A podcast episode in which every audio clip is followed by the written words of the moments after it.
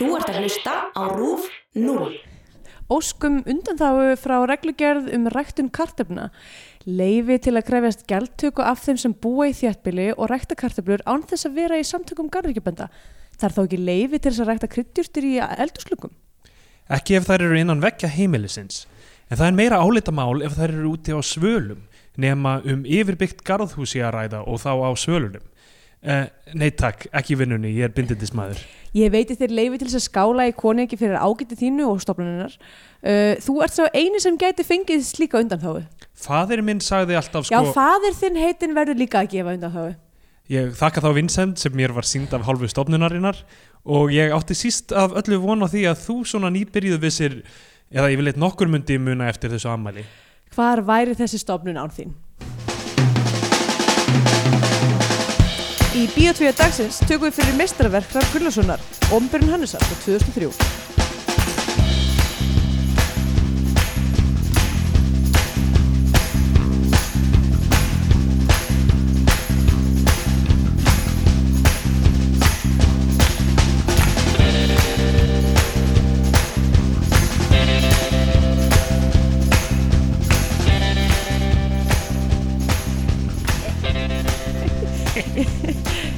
Jæja, uh, komið sæl og blessu og velkomin í Bíotvíu, hlaðvarpið um íslenska kvikmyndir. Ég heiti Andrea Björg Andersdóttir og hér með mér er Stendur Greitar Jónsson. Góðan að blessa það daginn. Góðan og blessaðan daginn og hér erum við komin saman til að ræða um kvikmyndir, íslenska sögu. Uh, já, Já, sannarlega, uh, eins og fyrir daginn þá er það markmiðið okkar. já, vissulega. Og ég er bara frekar jákvæður og spenntur í dag. Ég er gýraður, Ertu gýraður? ég er mjög gýraður, ég er Af hverju ertu til í gýraður? tuskið. Við erum að fara að tala um áhugaverða mynd Oh í, í íslenskri kvikmyndasögu og, og ég held að það sé á nóg að taka og þetta verður fjör. vissulega.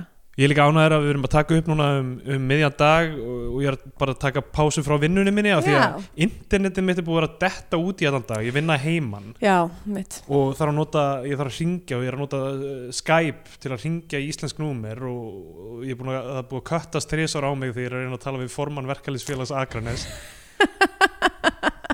Þannig að þetta er búið að vera allt mjög vandræðilegt. já, þetta er búið að vera mjög vandræðilegt æ, sorry eitthvað, já, ok, fyrirgeðu, hver, hver Ok, vorum við? eitt sem, ég, eitt sem ég hérna, mér langar samt að spyrja af hverju notar ekki bara íslenska símanúmerið þitt uh, og ringir með síma já, er það ekki dýrara?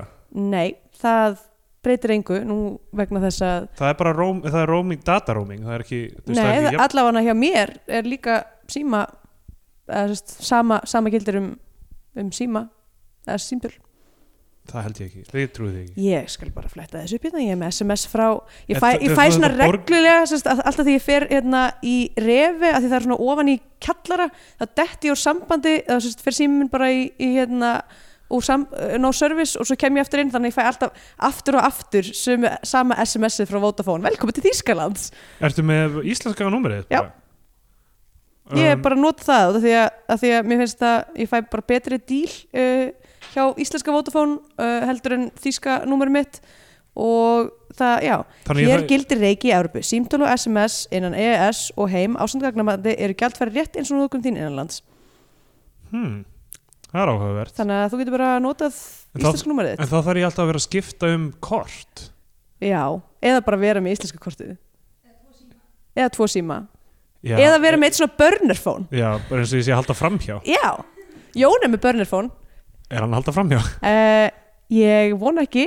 Um, Nei, hann er með eitthvað svona að því að hann þarf að fá uh, hann var að skipta um þýstnúmer en er ennþá með eitthvað svona þú veist, eitthvað svona til þess að komast inn á heimabankan sinn og eitthvað svo eitthvað á gamla númerinu og þú veist, þannig að hann þarf bara að geta fengið svona SMS ég held að það sé það sem hann gera. Kannski er hann að halda fram hjá mér en ég held að það sé út af einhverju bankareikninga með sinni Já, já, við skulum bara hafa það þannig allavega í byli að, að það sé ástæðan. Já, þanga til að annað kemur ljós. Já, Já, uh, við erum að taka upp á föstudegi líka Það er fössari Það er fössari. Um, ég sá mynd af önd á þann sem glæddi mig mjög mikið og hugsaði að þetta að er í dag.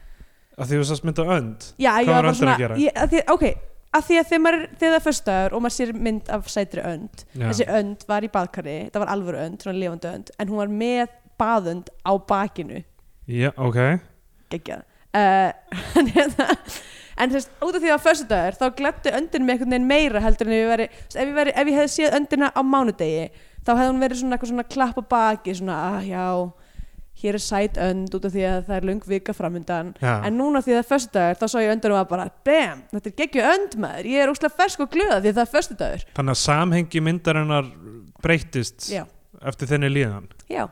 Eh, ég velti þessu stundum fyrir mér eins og með þegar maður horfir á kvikmyndir mm um, hvort þessi dagamunurinn á manni sjálfum telur, ég held ég alveg maður sko. stundum fyrir ég bíó á mánudum þá hugsa ég bara eitthvað að þetta er góð leið til að byrja vikuna mm, á smá fjöri. Já, ég velti fyrir mér hvort þær myndir líði fyrir það kannski, kannski er það betri af því með einmitt vantar eitthvað til að já veist, já, ég meni ég þú veist, maður er oft svona á mánudum svona lítill í sér. Og þá kannski er maður meiri tengslu við tilfinningar sínar og, og er, er meira hrifin svona á brott af, af galdri kvikmynda uh, eða töfrum kvikmyndarinnar. Já, það getur verið. Gæti verið. En núna er föstudagur og maður ætti að vera í góðuskapi en þessi mynd sem ég var að klá- klára að horfa á uh, ekki eins og niður föstudagur. Gæti Eigum við, að- eigum við ekki bara byrja að tala um hana? Ég held að okkur langi að vera að tala um hana. Já, þú ert, ert gýraðar í þetta. Já, ég er spenntur sko. Ég er eiginlega bara klárað að horfa á þessa mynd fyrir svona klukktíma síðan og ég bara veit ekki hvort að ég mun nokkuð tíma ná mér. Já, Hvað segir maður? Já, ég bara ég bara var með mín. Við erum að tala um sko sögulega mynd Já, í íslenska kvikmyndasögu. Mhm. Að árið er 2003 við erum að tala um 11. september. Við erum að tala um Írakstrið Já, við erum að tala um Davíð Oddsson í, sko, á hátindi félsins. já uh, einn maður þorði að gera kvikmynd Já. Einn maður þorði þegar aðrir uh, þögðu þögðu. og svo kvikmynd er Opinberun Hannesar og sko við ætluðum alltaf að taka hana um páska, núna er páska þessi þáttur kemur út á annan í páskum Já, ok. og gleðilega páska all, allir Allir. Býtu, ha? Kemur þessi þáttur út á annan í páskum? er það ekki? Uh, Nei, nei, heyrðu, nei, hann kemur út daginn eftir Pálmásundag, það er rétt ok. þannig að gleðilega dimbilviku Gleðilega dimbilvíku öll sem ein. og uh, megi, And a Dimbil- merry dimbilvika to you all. megi dimbil vera ykkur nær Já. Snerti dimbilin ykkar. já, verið góð við dimbilin ykkar Já. já, þannig að, já, Hugið að ykkar eigin dimbil. Hvað er dimbil? engin veit hvað dimbil er og dimbil hljómar eins og þetta sé svona, þú veist, eitthvað svona eitthvað svona, eitthvað svona dæmi þú veist, inn í líkamannum sem að hefur svona eiginlega engan tilgang svolítið svo botlangur, já, eitthvað svona þú veist, eitthvað svona tóta út frá einhverju dæmi sem að allir eitthvað, já, þetta var þetta þjónar einhver, einhver tíman tilgangi. Þetta er eitthvað svona froska þú veist, arleif fólk er að fá krabba minn í dimbilin Já, þetta er svona, er eitthvað hlutur inn í manni en samt gerir ekki neitt og allir eru bara, já þetta er dimbillin um, það er hægt að taka en það er algjör óþarfi. Já. Sko, ok, uh, Dimbilvikan Já. Sko, við, þetta er náttúrulega ro- rosa Þú veist, rosa Þú veist Atburðarík vika hjá Jésu Kristi heldur betur, nóg að Þú veist, gera hann, hann- er miklum útrettingum Hann rýður inn í borgina á Asna Fólk leggur pálma að fótum Spa, hans. spáði í því að byrja á toppnum bara, þú veist, þú bara by- ferð inn í vikuna og það er bara eitthvað, fólk leggja pálma fyrir, Já. fyrir fætur þér og þú ert bara eitthvað, damn, maður er bara hérna þú Þetta, er eins og svona second act í kvikmynd skilur, það sem allt er að ganga upp fyrir hann.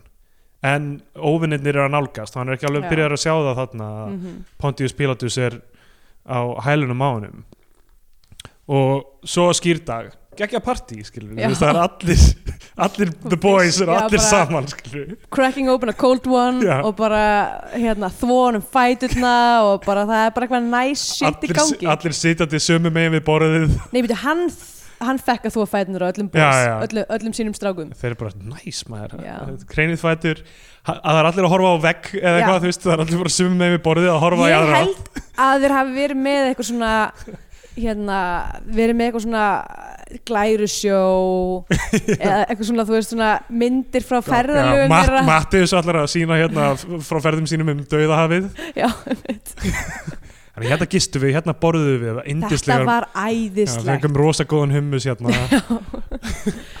Herðu, svo bara vatnið var bara frábært hittastig og maður bara flaut þarna eins og ekkit, ekkit væri sjálfsæðara mér finnst því svo tær komendu og þetta var, þetta var okkar hérna, þetta var þjóttin okkar uh, hún var rosalega liðileg og hjálpaði með alls konar fiskofnaði mitt og, já, og það er alveg svona tvöfalt ómargar myndir þú Já, er mátt og svona myndir af bara, þú veist einhver svona, veist, tjaldi og það svona, Já, veist, eitthvað svona basics. já, bara umulegt uh, og allir bara, já, já.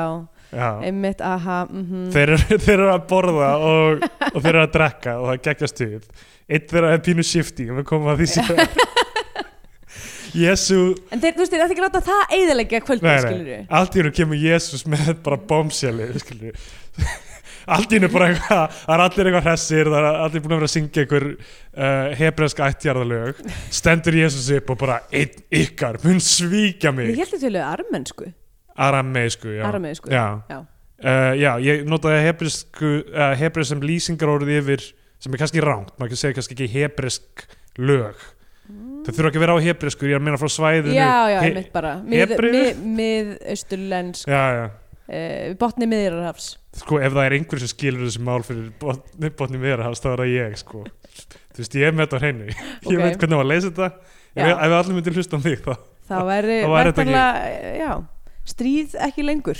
já, Uh, allavega, þú varst að segja. ég er að segja, hann stendur upp og bara þú veist, kannski er Jésús búin að fá sér aðeins og marga drikki og segir, Bara hvað? einn eiga með svíka mig Já, skvettir svona úr vínkaröflunni nei, ok. já, huga. hérna, takkið þetta fóta svita vatni ykkar skvettir yfir þá Já, já, er, er það ekki þá, og svo fyrir Júdas bara ú, ég, ég þarf að hummusinn fór aðeins í maga minn, ég Já, þarf að það. á klósetti, ég veist smá lengist rákar Já, hann fer og fær sína er stór lortur. hann fær, fær sína silfupeninga frá rómverunum Já, og svo bara búm bam á einum degi er bara búið að crossfesta Jésu, býtu, það getur, Nei, nei. það stemmir ekki. jú, föstu daginn langa daginn eftir skýrdag ok uh, hva, hva, og byrju, ok, að því að, að því að það náttúrulega gerist fullt af einhverju dóti, þess að hann var pindur og Já. svo, og svo var þetta dæmi með Barrabas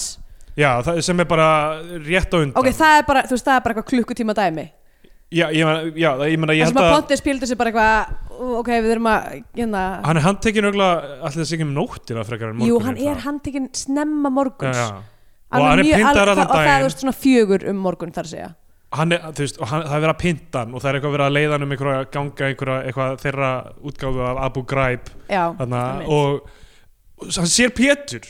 Og hann er Pétur hjálpaði mér. Og Pétur er eitthvað, uh, ég veit ekki hver þessi gauður er. Eitthvað, wow af hverju er ég hérna, ég þarf að fara. Og aftur spyr hann eitthvað hjálpaði mér. Og þeir eru eitthvað vissi hver þetta er? Og hann eitthvað, aldrei síðan uh, Sorry. don't know the guy. Upp þriðja sinn bara, eh, þú ert búin að svara tvisar Ok. við verðum að vita fyrir víst og er hann bara að standa þarna? Er Pétur bara eitthvað mm, eftir að eftir að hann er búin að ákalla hann tvissurum er hann eitthvað svona, ég ætla kannski bara að fara. Já, eða þú veist, eða færa mig í hvarf bara hinum með við hotni eitthvað. Rule of threes, það verður að svara í þriðja sinn, Já. annars er þetta ekki orðið pattern. Kannski er þetta líka ekki sko þú veist, eins og við sjáum þetta fyrir okkur að þá er alltaf svona byð á milli. En kannski var hann bara eitthvað Pétur, Pétur, Pétur. Það er þrísvar það er rétt. Og hann er eitthvað, svo ég veit ekki hver það er, veit ekki hver það er veit ekki... ég, verða, ég bara hef ekki, og ég hef ekki tíma fyrir þetta ómála, ómála takk, engin, engin dæflu, nei takk. Uh, og þau, hann er leittur upp á Golgötu þarf að bera sin eigin cross þú veist, insult to injury Já. hérna. einmitt. Og ja, ég veit ekki hvort er það fyrir Golgötu eða eftir sem Pontius Pilatus segir, heyrðu, hvern, hvernig viljið þið Jú, að við fyrir, frelsum það er fyrir. Já, Það ég, er einhver, það er einhver á torgi eða eitthvað það, svona. það hefur verið eitthvað svona astroturfing campaign hjá Rómverjum að því að þú veist, hann, hann hefur ráðið fullt af fólki til að fara í kráti og vera eitthvað, við, við viljum frekar Barabbas, hann er nettur Já, það, var það ekki, var það ekki geysið? hlýtur að hafa verið eitthvað Ég þannig sko, það. að, að, að þú veist, þetta hafi ekki raunverulega verið í hópin heldur að það voru nokkri agentar hann inni að Jú, það er, er það ekki, er það ekki tekið fram að, að hérna, það séu sendir einhverju svona, verið. einhverju sjómlar til þess að agitera krátið og svona. við hef- hefðum þurft að er vera barabast, barabast er flottu gæi. ég er að heyra góða hlutum Barabbas. Uh, já, þetta, við hefðum átt að lesa nýja testamenti frá Gideonsfélaginu sem við tölum um, um daginn með creepy Um, fórsíðunni Já, einmitt, ég Til að hafa átt þetta einhvers á staðar hreinu. heima uh, þú veist, mögulega. En allavega, hann, þú veist þetta, þetta, er, já, þetta er eins og, eins og þessi rúsnesku bottar, þessi Twitter bottar sem er eitthvað svona eitthvað ó, Trump er nettur uh, Já, eitthvað, ok, Hilla- meinar, Hillary meinar, er meinar Barabbas uh, fólkið? já, já, Eru, eru Twitter, rúsnirki Twitter þetta er svo rúsneski Twitter bottar Ok. nema fyrir 2000 árum. Ok, og svo er hann crossfestur. Já, af því að hvers konar system of justice er þetta það sem er bara eitthvað, herru, þið fá að velja einn til að vera en frjáls það voru, já, og svo eru þrýr, þrýr crossfestir. Já, já, þið voru þrýr crossfestir. Já. með hvað, Decimus og Gesimus getur, var ekki? Örglega og en hérna og þeir voru miklu vælukjóar. Þeir voru bara vælandi allan tíman að menn Jésu var bara bar harm sinni hljóði. Já, en þeir hashtag kallmennskan já, um mitt, maður má bara. máttu alveg mátt alveg það er verið að crossfesta það, það er ræðilegt það er ríkalegt þeir eru ekki að vera sterkir með það er í gangi. nákvæmlega. Jésús er samt eitthvað passív-aggressíft að hró- hrópa hluti eitthvað Fadir fyrirgefðum, þeir veit ekki hvað þeir eru að gjöra Já, eitthvað svona, hei ég veit að þetta ljómar fárlega en uh, ekki, þeir, þetta er ekki þeim að kenna. Þeir munu sjá eftir þessu. Ég mun snúa aftur Viti til. Það pínu, Ok, og svo er hann settur inn í steinin settur í steininn. Settur í steinin. Lenda villu sem reyt og settur í steinin. Rís upp á þriða degi. Fær ekki þúskall þegar hann fyrir byrjunumar Tóm er gröfinu opinn Hví er ekki meistarinn hér? Já, Og einmitt. þeir trúa honum ekki. Af Því að þeir trúa ekki að hann sé komin aftur og þeir, Tómas þarf að poti sári, það ég fannst alltaf mjög ólistugt já, bara, þú veist líka ok myndir, myndir eitthvað tímann dett í huga pota inn í sár sem ykkur annar með? Uh, nema þú veist til þess að sækja eitthvað. Ég, ég hef nú aldrei verið konfrontaður af þú veist. Stóru sári. Nei, mannesku sem ég held að verið dáin en er lifandi þrátt eins að vera með risstort sviðulsár á síðunni. Já. Það, ég meina þetta er, þú veist, ég skil alveg efan þú veist, Já, ég, já. ég er vísindi ekki en maður þú veist, líka. þú sérð sárið þú ert ekki bara skilja betur að þessi sár með því að stinga putanum þínum inn í það ok, ó já, hann hefur auðvitað haldið að þetta væri eitthvað svona special effects að þú veist, Já. eitthvað svona make-up já þess vegna, ok, þess vegna potaði hann í sárið okay. en já, hann hefur haldið, þú veist, þetta er bara eitthvað tómatsósa eða, þú veist, eitthvað þannig og svo eitthvað, nei, fuck, þetta er actual sár ég kom Bara- með djúpt svo fer hann bara eitthvað dýpra og dýpra Já. bara eitthvað, "Ah, öll höndin komin inn eitthvað, hvað er ég að gera? bara eins og í videodróm Kronenborg Já, einmitt, nákvæmlega um, Ok, já, þannig að þeir, þeir, þeir trúa því ekki að hans í lifandi og fá poti sáriða svo, Já.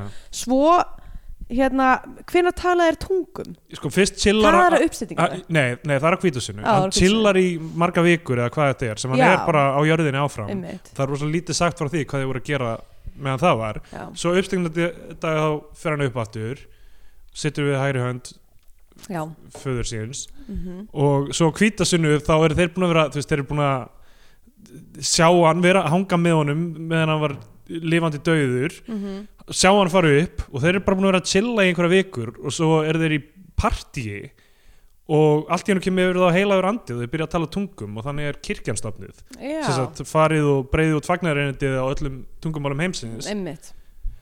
Þannig að þessar tungur sem þú voru að tala ég sá alltaf bara fyrir mér að þeir væru bara að bulla já, já, ég, ég held að það hafi bara verið mega fullir sko. Já, ok, en, en, en er meiningin sagt svo að þeir hafi bara byrjað að tala öll heimsins tungumál? já, Ok, nett já, ég held að það sé það, það er að vera það sem er gefið til Ok. Þa- Þannig gáttu þeir breytt út boðskap kirkjunar já, Áhugavert. Og þannig er sagan. Já, en Og- þetta sem vika er rosaleg. Ég hef alveg Já. haft suma vikur sem hafa verið bara rosa crazy fyrir mig. Já, En þetta er eitthvað next það level er fátt sko. sem toppar þetta sko. Ég myndi segja það. Eins og Já. mætti ég fulli vinn og sagði upp En uh, wow. það var ekki ekkert í líkingu við það sem Jésu var að gera. Það er samt hljómar svo góð saga. Já, já, ég kannski geimi hana uh, þangum til síðar. Ok. Að Því við þurfum að tala um ofnbjörn Hannesar. Já, en já, ástæðan fyrir við vorum að tala um uh, tengja þetta við páskan er að því að við heldum að myndin hefði komið út um páska Já, hún kom náttúrulega út 1. hún janúar kom út 1. janúar. Já. Vi, við vorum alltaf að spara hana til að vera eitthvað svona páska Ég líka bara held að eitthvað ofnbjörn Hannesar ég held að væri eitthvað páska þema Já, um, en þú veist titildin er mögulega að það sniðast af þessa mynd að einhverju leiti af því að þetta er eins og opinbjörn Jóhannesar já, þar sem hann eh, veist, er að trippa og sér framtíðina, sem sagt, sér domstag að þetta er opinbjörn Hannesar þar sem uh, Hannes, það, það er meira ekki það hlutinu séu að opinbjörast fyrir honum þó séu kannski einhverju leiti að ge- gera það já, heldur meira það er verið að opinbera uh, leynd gögn. Já, já, einmitt. það er verið að draga fram í dagsljósið uh, leyndarmálum fólk eða sem sagt það sem er prívat líf fólk já, það er svo opinberun Hannesar sem sem við erum að fara að tala um. Já. Ok, og það sem er þessi mynd er náttúrulega þú verður að leiða hennan þátt sko því ég er ennþá bara pínu eftir mig. Ég er, ég er svo gýrað, ég skal gera Ok, það þetta verður bara einræða. flott. Uh, ok, hún Ég kemur út skrifaði niður náttúrulega, já, því, ok, byrjum fórsagan að þessum þætti, ekki þessari mynd, er svo að í gær, ætla, ég ætla að horfa á svo mynd í gær, uh, en svo fór ég út í bjór með Já. þér já, og varð full já, og kom heim eftir nokkru drikki og var eitthvað, ég horfi bara á svo mynd, ekkert mál, ég, ég var alveg oft, þú veist, fengið mér nokkuð vinglus og hort á bíómynd fyrir bíótvíó og ekkert með það, en ég settist í og byrjaði að horfa myndina og ég held að ég væri bara orðin ógeðslega full, ég var bara, oh my god, ég er alltaf full fyrir þetta, ég skil ekkert hvað er að gerast. Já. bara ég næ ekki utan um þetta og nótuna mínar eru út um allt sko. uh, og mjög illa skrifaðar. Ég vaknaði það var er bara eitt stórt vá efst á Já og ég var eitthvað Fuji Ilvat, hvað var ég að hugsa? Ok, það meikar ekki neitt sens. Uh, allavega uh, þannig ég lokaði tölunni og bara ég er ofullir þetta, ég get þetta ekki núna ég verði að horfa á hana á morgun. Og svo horfði ég á hana aðan og það var ekki, það var, ég var ekki vandamáli þessi mynd var bara það styrluð já, já. hún er það. Já, og hún, hún kom út sem sagt 1. janúar 2003 aha. og var, sem sagt, var sínd í ríkisjónvarpinu á nýjástag Já. Daginn eftir kom hún í bíó og enginn fór á og enginn fór á hana augljóslega. Augljóslega. Og þess, það styrluðu sagan með hvernig hún var til. Sem sagt Trapp Gunnlaugsson þetta er náttúrulega bara hræðilegt, þetta er ógeðslegt þjóðfélag. Já, þetta er, þetta er, þú veist, þetta er þetta kristallar einhvern veginn allt sem, við erum, sem búin að tala um Já. oft í þessum þætti þetta er bara svo grótesk útgáfa af því já, með líka svo miklum leiki leikmönnum. Já, algjörlega. Af því að þetta byggir á Oddssonar já, sem heitir Glæpur skekur húsnæðistofnun uh, það er spásaga Davís Oddssonar sem hann skrifaði og Hrafn byður um sagt, ok, það, það fyrir tvenn, að það fyrir mörgum sögum af þessu ferli. Já, Hrafn byður, um að Davíð um að fá að skrifa upp úr spásögunni í kvikmyndahandrit. Mhm. tengja af einhverju eigin sögu sem endur á að vera opinbjörn Hannesar. Já, þegar fyrst er sótt um í kvikmyndasjóð þá eru þeir skráðir meðhöfundar sem sagt, Mm. Hrafn og Davíð Oddsson skrifa saman þetta handrit samkvæmt því. Já, Davíð neytar því, Davíð segist aldrei hafa komin nálægt handritinu. Já, ok. Og það er sótt um í kvikmyndasjóð og um, óskað þú veist 60 miljónar styrk. Þau vilja 60 miljónar styrk. Það er galið. Það er rosalega upphæð á þessum tíma.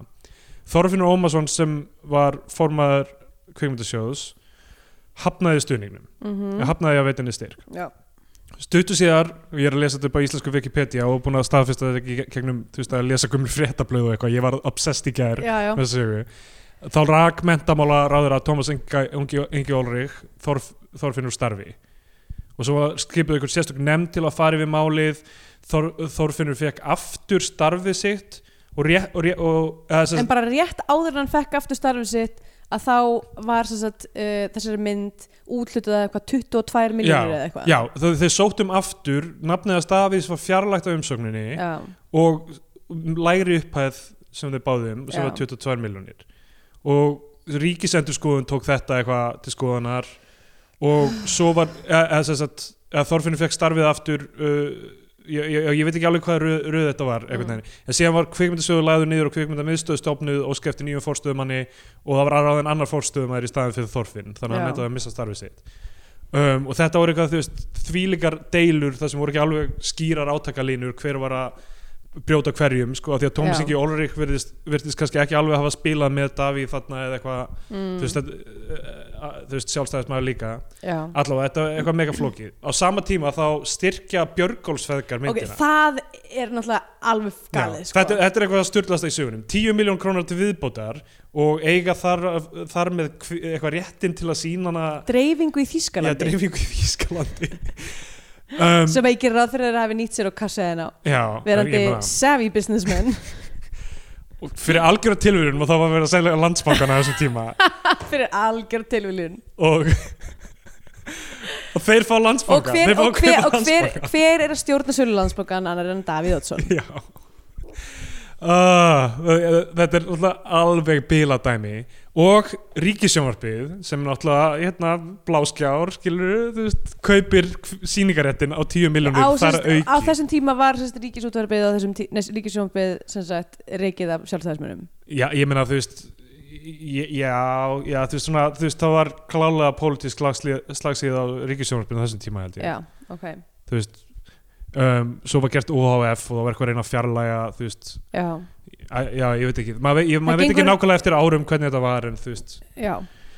Og uh, ok, sem sagt svo, þú veist, ég las einhverja heila grein sem Áskrimur Sverrisson hérna, kvikmyndagerðamaður, rítstjóri vefsins Lands og Sonar skrifaði um þetta. Ok, þú veist, það sem lands og sonar. Lands og Sona svona, já, svona uh, ok, það sem hann, hann sem sagt er að tala um einhvern fund sem átti sér stað hjá eitthvað félagi kvikmyndagerða manna eða eitthvað þannig það sem er að að reyna að komast í bótt í þessu máli. Af Mhm. hverju fekk þessi mynd styrk? Já, og þú veist, á hvaða forsendu var hann gefin af því að þú veist, það munur á því að styrkja sjónvarsmyndir og styrkja kvikmyndir sem ég að fara í kvikmyndahús. Já, og með því að setja hana í sjónvarpið áður en hann fór í kvikmyndahús þá var hann sjónvarsmynd, tæknilega já, en ekki, ekki kvikmynd, þrátt fyrir að hafa fengið styrk sem kvikmynd. Einmitt. Og hvernig virkar það þegar þið segja ok, við þurfum 60 miljónum til að gera þessa mynd svo lækkar það niður þegar held ég byrjaðar að taka hana upp áður en þessi 22 miljónar styrkjur kemur inn. Mhm, e, e, já, eða, já, ég held að sé nei, þe- já, áður en sá styrkur kemur inn þá er þið byrjað, eh, að búnir að taka hana upp og ba eru bara að gera það með þessum 20 miljónum frá ríkisjónarpinu og landsbankanum. Ok. Þannig að þú veist, budgeting fyrir, fyrir myndina já, já, já, Björgarsveikum sem, sem. Uh, þannig að þú veist eh, budgeting fyrir myndina hlýtur að hafa verið við höfum 20 miljónir til að gera þessa mynd. Já, uh, svo endanum fá þeir þar á au- auki 22 miljónir og, og þeir segja þú veist á endanum með þessi tala sem sagt, hvað kosti að gera hann að komin upp í tæpar 60 miljónir og það var fengið einhver sérstökur eða þú veist að einhver tveir sem gerðu rannsókn á hvað hún ætti að hafa kostað svona, bara skoðuð hana og fór Já. í saumana og hvað og það var bara á milli sirka ígildi e- eitthvað 13 pulsu og kók. Já, það er eitthvað 13 til 18 miljónir tops hefði hún getað kostað. Já, þannig að hvert fór restin af peningunum sem kom allir til eftir að það var búið að eyða, að, veist, búið að taka hann upp og Herðu, hún, þessi peningar ég er nokkuð vissum að hafi farið í raflegunar á húsunans raflegunar ok. Það er þín orð, þannig að það er eitthvað meðir að mál yes. Þetta eru notorious sko rafmaksreiningar Já. Þetta er, þetta vita, vita dæmi sko. Lauganistangi er veist, vel upplýstur. Já. þannig að þetta er allt saman bíl. Annað en þetta mál já, uh, sem er, já, ekki sérstaklega vel upplýst. Um, ég ætla að býða með orð hraps um þetta það til bara í lokin. Já, af því að þú veist, Wikipedia greinin um, um þessa mynd á íslensku Wikipedia er mögnuð já, og það, hún er vel sorsuð, það er, mik- þú veist, það er vísanir í umfjöllun í, í blöðum og þú veist, þetta er allt mjög vel referensað já, þannig þannig að þetta, ég treyst þessu. Þetta er alltaf að klikka. Svo kemur þessi mynd út á Mhm. nýjástag og hún er fólk er blown away. Það verður að segja að hún allavega uh, vakti aðtigli hún vakti sannlega aðtegli uh, enda sko, hefur landin væntanlega verið sko skélþunnur líka að horfa? Þess vegna fannst mér til dæmis mjög poetist að ég líka var frekar þunn að horfa á þessa mynd. Þú uh, varst að setja því spór já, eiginlega hvers, hvernig, hvernig upplifum fólks var uh, og líka það sem, er, veist, er, það sem er svo slæmt er að þú veist þessi kvikmynd eins og svo margar aðra kvikmyndir íslenskar er búin til á kostna skattgræðenda já, og svo er þessi mynd gerð fyrir peningin okkar allra og svo er henni tróðið ofan í hálsin á manni á öllum dögum á nýjastag þegar maður er þunnur að sjá eftir hlutum og, og lofa sjálfum sér að næsta ár verði örgulega betra já. að þá þarftu að horfa þetta þetta er svo ógislega fyndið allt saman hvað þú veist, hvaða nasista síru var fólk eiginlega að kemsa á þarna? Þessi mynd, ok, förum, förum út í við verðum að ræða þetta. Aðalhlutverkið, Hannes, umrættan Hannes já, leikur einhver maður sem heitir Viðar Víkingsson. Mm hefur þekkir eitthvað til hans verka að öðru leiti Uh, sko ég hef heyrt hluti af því hann er, hann er miklu meira leikstjóri heldur en hann er leikari. Hann ok. hefur eiginlega ekki leikið neitt fyrir þetta Já, en hann leikstyrði áramáttasköpun 97 ok. og hérna og frekar viðfræri sjónvarsmynd sem að heita Draugasaga mm. sem að eh, ég hef heyrt mikið um, ég hef ekki séð hana en ég held ef þetta er sama mynd og ég hef heyrt um þá er þetta sérst, þá er eitthvað svona draugur í útvarshúsinu sem eitthvað svona ástandskona í, í dra drakt með rauða hárkollu Já. sem að eh, hérna, skeldi margan mannin uh, þegar hún kom út. Og gerði líka, hann leikstir líka uh, kvikmyndinni Tilbury. Já, já.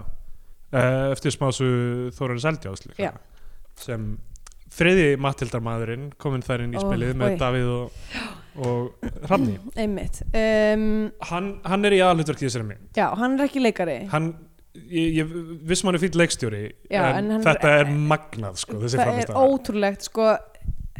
Hann er eiginlega bara með svona munnin svona, eins og hann, eins og hann sé sko lamaður í andliti Mm. allan tíman, bara með svona munnin svona hálf opinn og svona forviða.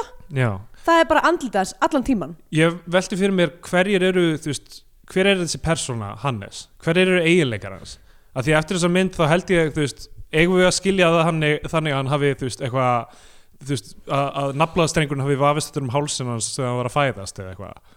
Af því að hann er ekki með öllum mjalla nei, hann er alveg skalinn hann sko. talar ekki eins og fólk talar. Hann getur ekki gert sér skiljanlega fólki. Ok, hann man engin nöfn. hann mann engin nöfn eða, eða, neina díteila um neitt. Já, hann skilur ekki bara þú veist heiminn eins og hann nei. hreyfist fyrir Ok, framann sko, augun hans. teikningin sem hann við komum að þessari teikningu.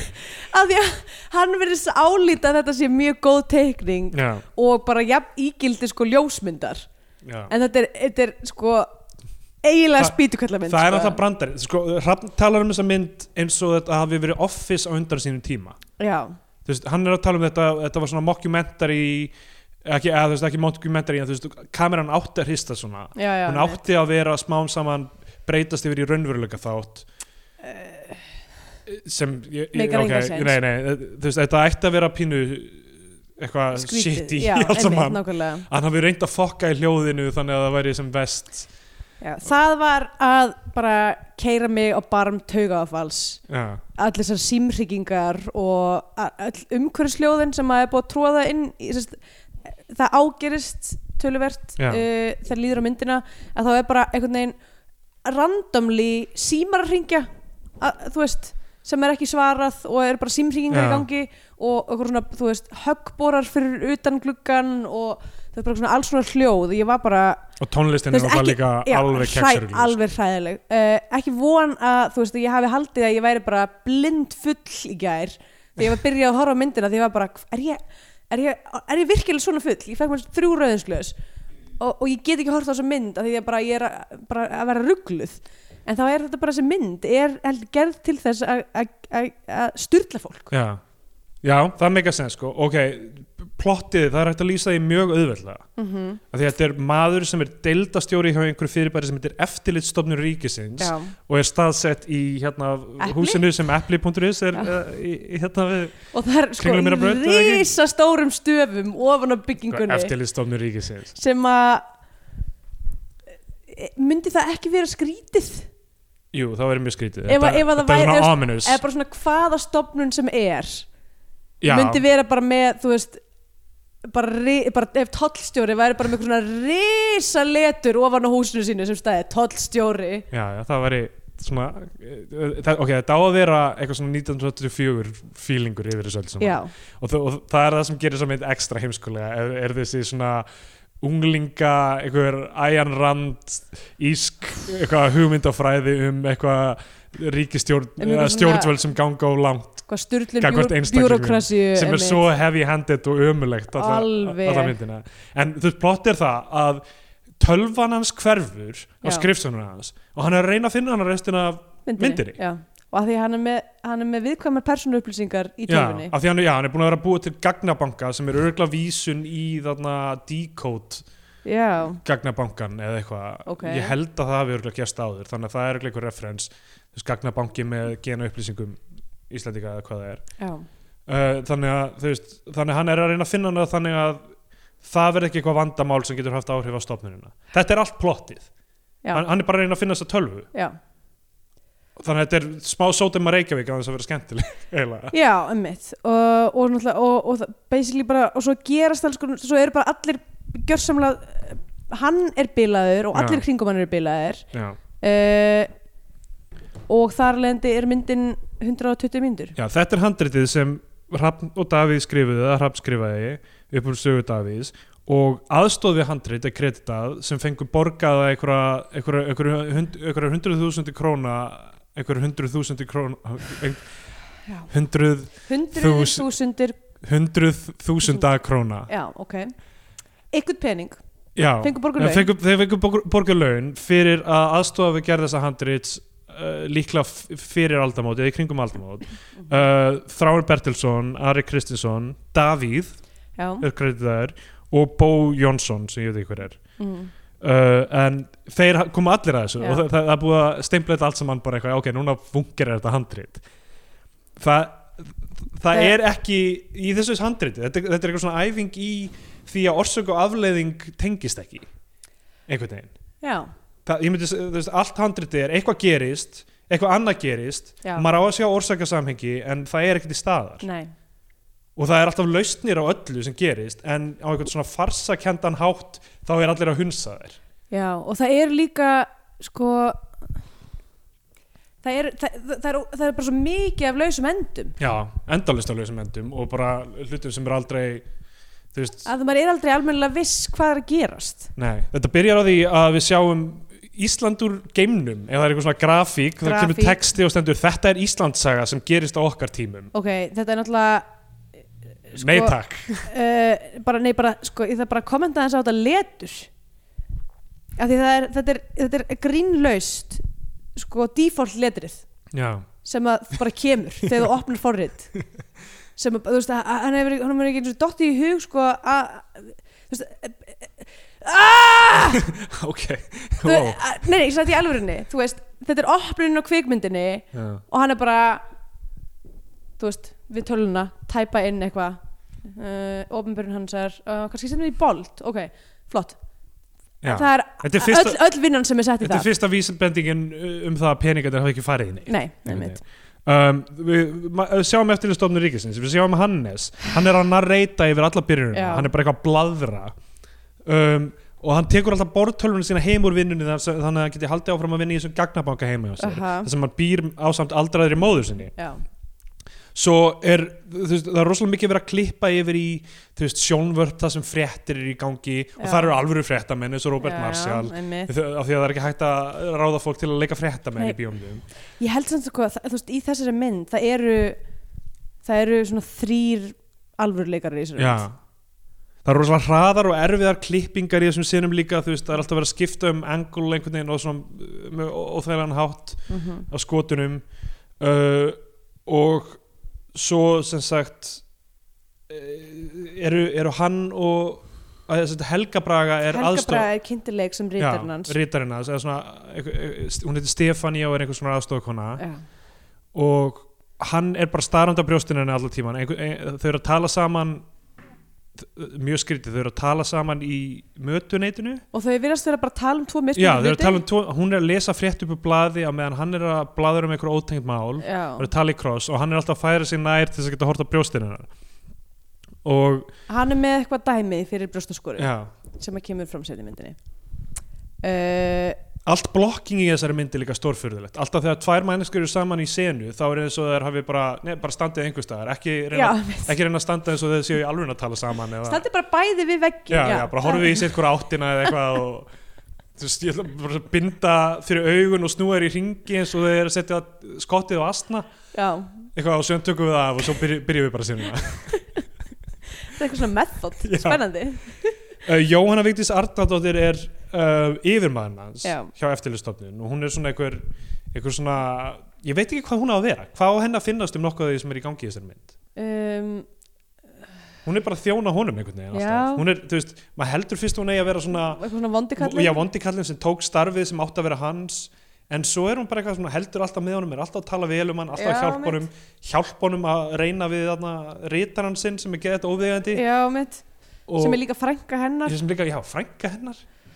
Ok, uh, það, allt, allt þetta með helgubrögu fannst mér Herðu. alveg svo óþægilegt sko. við glemdum náttúrulega að segja, þessi mynd er á YouTube. Já, þið getur bara farið og horta á hana. Ef þeir eru að reyna að skilja, þú veist, við erum að reyna að gera okkur skilja um hluti sem mjög erfitt að skilja það sem við erum að tala um en þið hafið ekki séð bara þessa mynd. skrollið í gegnum hann á YouTube. Já, bara sjáuð hvernig skotin eru og þú veist, bara horfið á eina senu og hlustið á samtölin. Veistu sko, hún er á YouTube og hún er postuð á YouTube af hrafn já, hrapp bara sett hann uh, um, ok.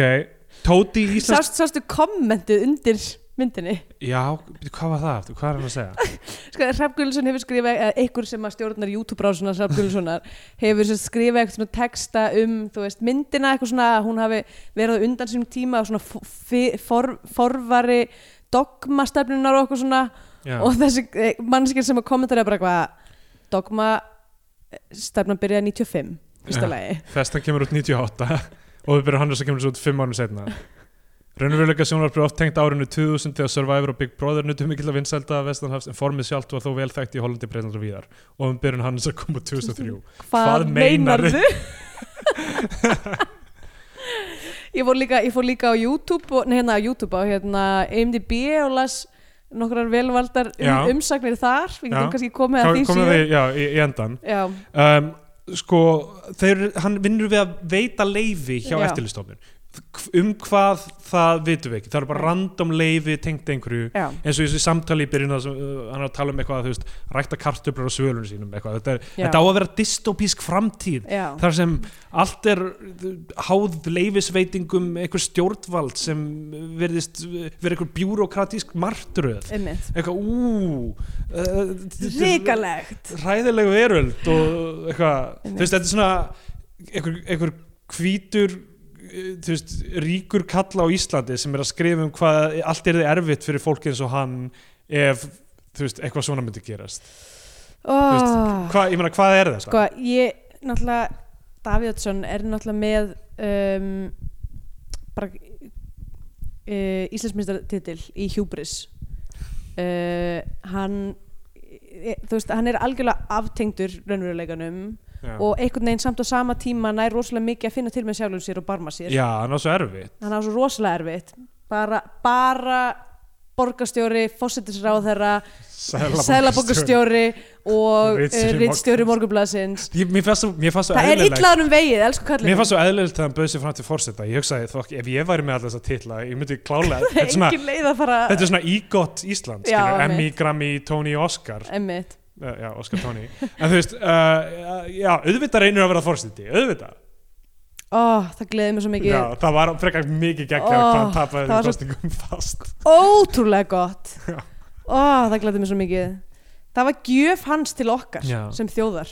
En, lí- en, en þú veist líka eh, þú veist, eins og Hrafn skilur sem hefur haft öll tækifæri til að þú veist, í, í kvikmyndagerð á Íslandi fengi, og, og, og þú veist allt, ítrekkað aftur og aftur. Allt, allt þemað við þessa mynd er, og þú veist karakterin sem er einhver yfirmaður hjá, hjá hinnu opinbera skilur, Mm. þú veist, eru örugglega með laun sem eru í svona efri hlutanum og þú veist, býr reyndar með, með móður sinni. sem hann eitthvað af góðmennsku hefur hjá sér eða eitthvað um, en er, þú veist, örgulega sterk efnaður og hefur það gott Mm. en svo bara, ó, það, lífið verður svo erfitt ef það er svona þú veist, ef það þarf að fara að taka tillit til annara eða hugsa um það að þurfa að fá leifi til á þess að vaða fram einhvern veginn skilur, Hrafn Já. hefur örgulega verið bara að reysa þetta húsitt bara á laugarnestanga Já. Þetta er örgulega að Ó, mörgu ég fekk ekki að gera eitthvað hérna því að ég þurfti leifi frá borginni. Já, og náttúrulega allir nágrannar hans eru búin að kvarta yfir honum Já. og þú veist, náttúrulega húsið hans er bara einhvers konar gildra. Uh, og honum finnst þetta náttúrulega mjög ósingjarn allt saman. Hann ætti að gera myndum þetta húsitt Það væri Já, um, það er ótrúlegt sko, þetta hús. Hefur komið ákveða? Nei, þú hefur komið Já, að það ekki. það er algjör styrlun uh, Neðsta hæðin er sundlaug. Já, uh, sem að er hálfuleitin til bara rennandi vatn og þegar það er flóð þá er það líka sko, sjórin kemur inn í húsið. Já, og að því að þetta er bara neðsta hæðan húsinu þar sem þessu sundlaug er uh, er líka búið að sko meitla inn í veggina rúmplás sem eru semst aðeins fyrir ofan þar sem, veist, þar sem sjórin myndi ná. þannig að þú getur gist bara svona við sjóin já. Ok, uh, ég get alveg séð að þú veist að að því hann er líka, hann er bara svona greinilega eða einhver, ég veit ekki hver er að gera þetta en ég gera það fyrir hann sé ábrukur fyrir því er, hann er bara svona að taka út risla stóra parta af burðarverki húsins já til þess að búa til einhverja dingjur þú veist uh, þetta er eiginlega bara alveg styrlað sko. Þetta er eins og ofurburun hann sem maður verður líklega að sjá þetta til að skilja Já. Tóti úr íslenska draumnum mætir til þess að fá leiði og hann er basically leikur sama hann er bara eins og Tóti í hann er íslenska bara tóti í íslensku drömmnum um, og Hannes getur flett upp öllum hann getur flett upp farsæli konu hann sem er í kaupmannhöfn hann getur séð hvernig hún fór, hvernig hún kemur aftur. Hann, hann er byrjar að flett upp hvað, hvað Helga Braga ke keifti leikhúsmiða kvöldið eftir uh, Já, að sjá lýsistruti kefti smokka og ylvatn Já. sem ég veit ekki hvað er og þess, hann, hann er með alla þessar upplýsingar af einhverjum ástæðum í tölvu þetta eru upplýsingar sem, þessari einu tölvu Já, sem er ekki tengd við tengd internetið. neitt þetta er ekki miðlagur gag, gagnagrunnur einhver veist, þetta, er, er bara þetta er ekki neinu skíi á þessum tíma nei, skíið var ekki til þetta er bara í tíma. einu svona Apple tölvu, um, Tóti getur ekki fengið leifi fyrir einhverju, er alltaf koma aftur það vantar alltaf einhverju undirskrift whatever. Mm. svo lappar hann burt út úr húsinu með einhvern plastpoka og Hannes heldur þar að leiðandi að tölvan hans er horfin hann að því að, og þetta er endur tekið oft í myndinni eh, er að honum fannst ha- hann tóti sveifla pókanum grunnsamlega hann sveiflaði pókanum grunnsamlega á leiðinu út. Ok, og þá hleypur hann hleypur út á eftir honum allar að fara eldan en þú veist hann, hann er búin að drekka kóniak með yfirmanni síðan og hann má ekki kera fullur, hugsa sér hvað ríkið er vond, hann má ekki kera náttúrulega þess að löggan kemur og hef, þú ert búin að vera að drekka er það ekki? Og hann, eitthvað, eldu hann, hann, stál, hann, hann segir aldrei hann stál tölvu á skrifstónum minni. Hann bara eitthvað, tölvan, hann er, hann er með Hann er tölvuna með tölvuna. tölvan, þú verður að ná tölvunni? Þú veist, hann getur ekki gert sér skiljanlega um það að einhver hafi rænt á hann um tölvu ég er uh, deildastjóri hjá eftirlitstofnun tölvan þarna, eh, þú, þú ert að missa af honum. Já, eins, eins, og, eins og hann hafi hringt í lauruglumann og brífaði málið og gert svo ráð fyrir Já. að sami með lauruglumann væri mættur þarna. Af því að heimurinn fungera bara inn í hans huga. Já. þú veist það eru allir það- hann, hann, skort, hann er svona eins og badd sem kemst aldrei í það að þróa með sér að þú veist eins og þú getur skammað börn þú getur sagt eitthvað ég veit hvað þú gerðir. Og barnið ó auðvitað veit mannskan hvað ég gerði af því að við sjáum öll það sem ég sé. Já, já, þegar barnið er ekki búið að þróa með sér að við séum með separate huga og Einmitt. Ó, það er svo fyndið þegar börn fatta að þau get, byrja að fatta að þau geta logið. Já, en eru óslega lélegið í því og maður getur svo auðvitað svona flett ofan að þau bara eitthvað, það er nú bara ekki rétt hjá þér já. og það er svo fyndið að sjá andlitin á þeim þegar þau fatta að kemst upp með með þau. ah, skemmtilegt börn og Hannes eru jafn þú veist Já. síðblind í rauninni eiginlega, hann, Ókei. hann tekið neyra á lauruglustöð það sem af einhverjum ástæðan hann, hann getur bara lappað burt og um þó að verið- sem ég verið að handtakan fyrir ölfunarakstur eða Já, tilvæm til þess einmitt. eða eitthvað hann, allt sem gerist áhrif lauruglustöð er alveg bonkers já og og það sem er svo skrítið er við förum í gegnum þetta tvísvar hann fer á lauruglustöðuna, hann fer þaðan hann fer Já. aftur í vinnuna, hann fer aftur á lauruglustöðuna og þá með yfirmannum sínum og við förum Já. í gegnum eiginlega bara alveg það sama tvísvar í einmitt Það er eins og að við bara vanta og okkur vanta 20 mínútur gerum bara aðrar eins með yfirmanninum viðstöndum. já, Þetta er mjög skrítið.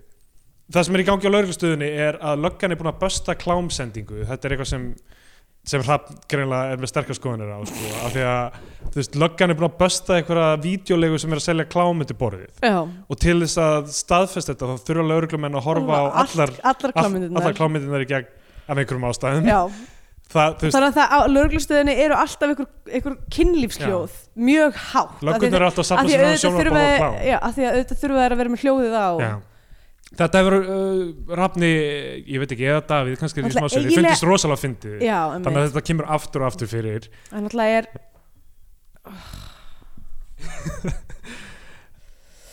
Ok, við hoppum yfir það að hann átti eitthvað, eitthvað afmæli eða starfsamæli starfsamæli en það er alltaf að tala um það eins og sé afmæli hans. Já. þess að mamma hans er eitthvað heldur við muni ekki eftir starfsamælinu þínu. Hún fer, mamma hans fer og talar við yfirmann hans. Já, og er eitthvað hérna, munið ekki eftir starfsamælinu þú veist, ég vona að Hannes muni ekki þurfa að líða fyrir það að hafa sótt um forstjóraembættið en þú hafi fengið það. Og ég vona að gangi allt vel með hann og aðstofakonuna sem er frænka þín. Eitthvað, þetta er eitthvað svona exposition, eitthvað Já. hrúa sem við fáum svo þa þannig að yfirmaður hans kemur með ammælistertu og syngur fyrir hann bara hann á ammæli í dag. Já. Þegar hann á starfsamæli starfsamæli einmitt. Og heldur ræðu og, og sko fyrst koma inn uh, syngja allt lagið Já.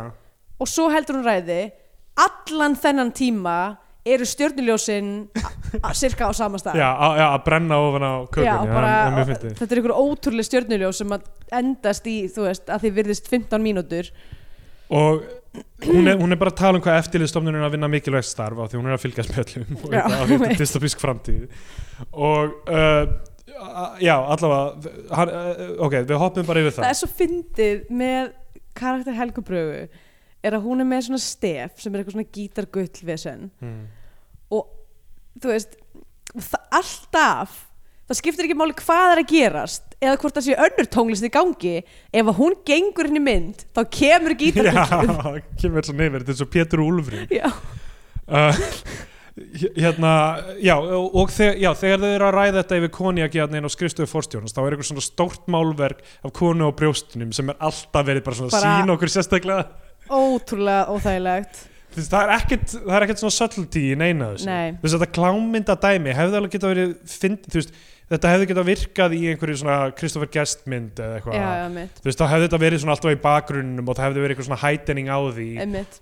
Þú veist þeir byrja á því að vera með svona tíu lauruglumennin í herberginu og horfa alla, alla saman. Já, fyrirgeðu, það- þeir eru bara sex af því að þeir eru bara sex lauruglumenn sem leika alla lauruglumenn í lögreglu- já, borginni já, í þessari mynd. Og, en, en í staðan þá fyrir það úr því að það er hópur að horfa gett hátt og mikið að stútir þetta yfir í það bara einn og einn eitthvað að horfa. Einmitt. Þú veist það er svona öfugt, öfugt Einmitt, hækkun á já, því, einmitt. einhvern veginn.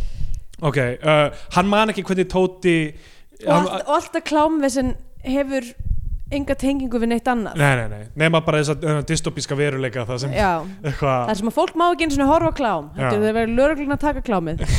Ótrúlega ósangjant interneti, interneti var komið á þessum tíma sko þetta er 2003 nákvæmlega. Ég veit ekki hvað internetið er samt ekki inn á skrifstofunum hans og þessi, þessar upplýsingar sem Sko, hann það slærir er- í tölvuna. tölvan er eiginlega aldrei í sambandi já, hún er ekki í sambandi. Og hann er með útprentað oft. Hann er oft með útprentað Já. upplýsingar um, um Tóta og íslenska draumnum. Ok, líka eitt sem að mér fannst mér að því að það er eitthvað svona vantar einhverja einu und- undirskrift hérna hjá einhverju sem hann er að gera sem að konan hans þarf að skrifa undir.